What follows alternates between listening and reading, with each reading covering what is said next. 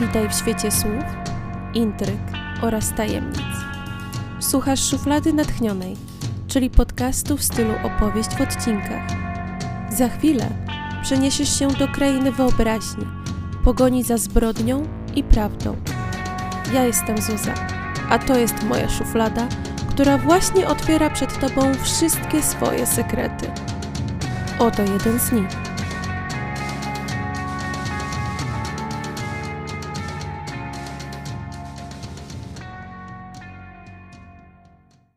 Śledząc mrok, odcinek dziesiąty. Z piwnicy do piwnicy. Mogłam naciskać na Dominikę, żeby powiedziała mi coś więcej o mężczyźnie wyłowionym z rzeki, ale byłam świadoma, że złamała dla mnie zasady, może nawet prawo, i nie mogłam pozwolić na to, by narazić ją na negatywne konsekwencje. Wychodząc z kostnicy, miałam ochotę rzucić wszystko i udać się w stronę lotniska. Wsiąść do pierwszego lepszego samolotu i uciec na kilka dni albo tygodni. Ale nie mogłam tego zrobić ze względu na Marka i Ewę, którzy zasługują na to, by ich wreszcie odnaleźć. Zamiast więc na tropikalną wyspę ruszyłam prosto do archiwum policyjnego, licząc na to, że nie jest jeszcze zamknięte. Z piwnicy szpitala do piwnicy komendy głównej. Przechodząc próg komisariatu i tym samym zdobywając status stałej bywalczyni, przynajmniej na przestrzeni ostatnich kilku dni, pragnę tylko nie zostać zauważoną. Do tej pory dzieliłam się swoją wiedzą z policjantami zajmującymi się sprawą, ale nie tym razem.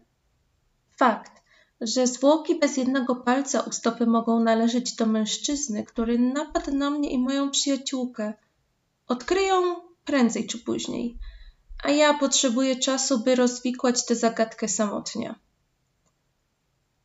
Gwałtowny skręt w lewo i naturalny chód w kierunku klatki schodowej. Krótka, nerwowa chwila, która kończy się głębokim oddechem, gdy tylko znajduje się w korytarzu wypełnionym ciszą i kurzem. Niesamowity kontrast. Piętro wyżej wypełnione zapachem mocnej, ale taniej kawy, potem i poczuciem niesprawiedliwości, a tutaj spokój i chowające się za półkami duchy przeszłości. Łącznikiem między dwoma światami jest pan Andrzej, główny archiwista, który spędził w tej piwnicy większość swojego życia zawodowego, a jego umysł jest wart więcej dla tego miejsca niż nawet najbardziej zaawansowany system informatyczny. Pan Andrzej, który zbliża się do wieku emerytalnego, nie wygląda, jakby był gotowy opuścić swoje stanowisko.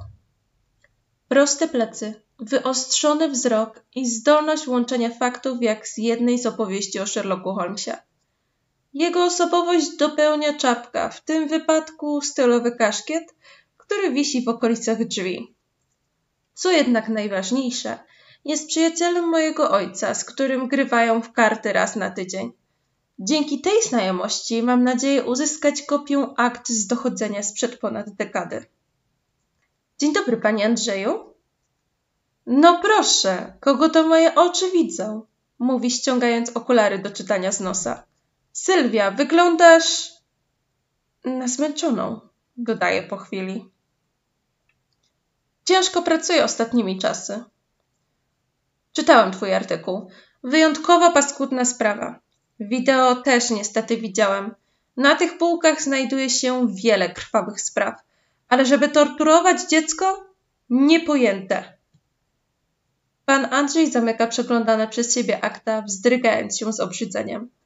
Jego zły nastrój nie trwa jednak nawet chwili. Posyła mi serdeczny uśmiech i zachęca do rozmowy. To co cię do mnie sprowadza? pyta. Potrzebuję pomocy, a właściwie informacji. Andrzejowi można ufać. Nie znam człowieka, który potrafi lepiej dochować sekretu. Jest też osobą z zasadami, uczciwą, która zasługuje na szczerość, więc opowiadam mu w skrócie, co wydarzyło się przez ostatnie kilka dni. Dla siebie zostawiam tylko fakt, że porywacz do mnie zadzwonił. Nie mam serca, żeby martwić starszego pana bardziej niż to konieczne. Archiwista nie daje namówić się od razu, ale nie jest bardzo przeciwny, skupiając się głównie na sprawach technicznych. Ostatecznie dostaje pozwolenie na zrobienie zdjęć akt, ale muszę przyrzec, że nigdy nie trafią w żadnej formie do internetu, nawet jako załącznik do maila. Po wykonaniu ostatniej fotografii mój telefon wydaje się być cięższy niż zwykle. Muszę być rzeczywiście niewyspana, skoro mózg zaczyna płatać mi takie figle. Chciałabym zaszyć się w kącie swojej kanapy i przeczytać akta na spokojnie, ale zanim to zrobię, najwyższy czas dowiedzieć się, jaką wiadomość otrzymali państwo krukowscy. Sprawdzam na wirtualnej mapie ich adres zamieszkania przesłany mi w trakcie wizyty w archiwum przez Łukasza. Państwo krukowscy mieszkają w dużym mieszkaniu w jednej z zabytkowych, ale zmodernizowanych kamienic na osiedlu, które uchodzi za najlepszą gastronomiczną część miasta. Do dyskoteki, w której bawił się Marek tamtej niefortunnej nocy, jest niecałe dwadzieścia minut pieszo. Zerkam ukradkiem na fasadę budynku, ale jest wyjątkowo pospolita. Jasna, szara barwa z ciemnoniebieskim wykończeniem. Cztery piętra, balkony z doniczkami, z kwiatami lub rowerami. Nic szczególnego. Nie jestem tu jednak, by podziwiać miejską architekturę. Przechodzę na drugą stronę ulicy i wsiadam do srebrnego samochodu kombi, jednego z wielu ustawionych w rzędzie wzdłuż chodnika. Łukasz? Dotykam ramienia zwróconego w stronę okna mężczyzny, by wyrwać go z zadumy. Długo cię nie było. Już się zaczynałem martwić, odpowiada. Miałam po drodze krótki przystanek. Widzisz coś w ogóle przy takim świetle? Słońce powoli zaczyna się obniżać. Jest coraz ciemniej. Zakładam, że w samochodzie jest zainstalowana gdzieś kamera, ale Zauważam tylko na tylnej kanapie aparat, który z pewnością nie jest w tym momencie aktywny. Nie muszę się przejmować światłem. Sama zobacz. Podsuwa mi ekran tableta, z którego na żywo oglądamy ciemne drewniane drzwi z numerem 3. Zainstalowałem mini kamerę na Judaszu na drzwiach naprzeciwko, ale to mniej ważne. Lepiej zobacz i posłuchaj tego. To, że Łukasz zorganizował audio, zrobiło na mnie wrażenie. Zna się na tym, co robi. Wkładam słuchawki do uszu i rozpoczyna się film. Funkcjonariusze policji pojawiają się na klatce i naciskają dzwonek. Za drzwiami rozlega się szczekanie i słychać dźwięk przekręcania klucza w zamku. Naprawdę wyśmienite jakoś nagrania. Na scenę wychodzi pan Krukowski. Znaleźliście go? Pojawiło się coś nowego? Pyta, zanim inspektor zdąży cokolwiek powiedzieć. To chyba my powinniśmy o to zapytać, panie Krukowski, odpowiada mundurowy. Jak to?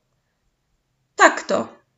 Telefony pana i żony są na podsłuchu, na co sami wyraziliście wcześniej zgodę. Pamiętam, przecież podpisałam ten papier. Mówi mężczyzna biały jak ściana i szczerze zdziwiony. Wiemy, że skontaktował się z wami porywacz, a konkretnie z pana żoną, więc kłamstwa nie mają sensu. Ale ja nic nie wiem. Na twarzy pana Krukowskiego maluje się szok, któremu miejsca ustępuje złość. Facet naprawdę nie wie, co się dzieje. Wie tylko, że jego żona zrobiła coś za jego plecami. Może byśmy omówili sprawę w środku. Proszę wejść. Wideo urywa się, gdy drzwi mieszkania państwa krukowskich zamykają się z hukiem. Tego się nie spodziewałam. Krukowska działa w porozumieniu z porywaczem na własną rękę? Czego może chcieć od zwykłej księgowej porywacz? Oto jest pytanie, odpowiada Łukasz zadowolony z wykonanej roboty. Kolejny fragment historii Sylwii pojawi się już w następnym odcinku. Zanim jednak to nastąpi, wiedz, że możesz zajrzeć do środka szuflady na Facebooku lub Instagramie, gdzie będą pojawiały się dodatkowe materiały i informacje.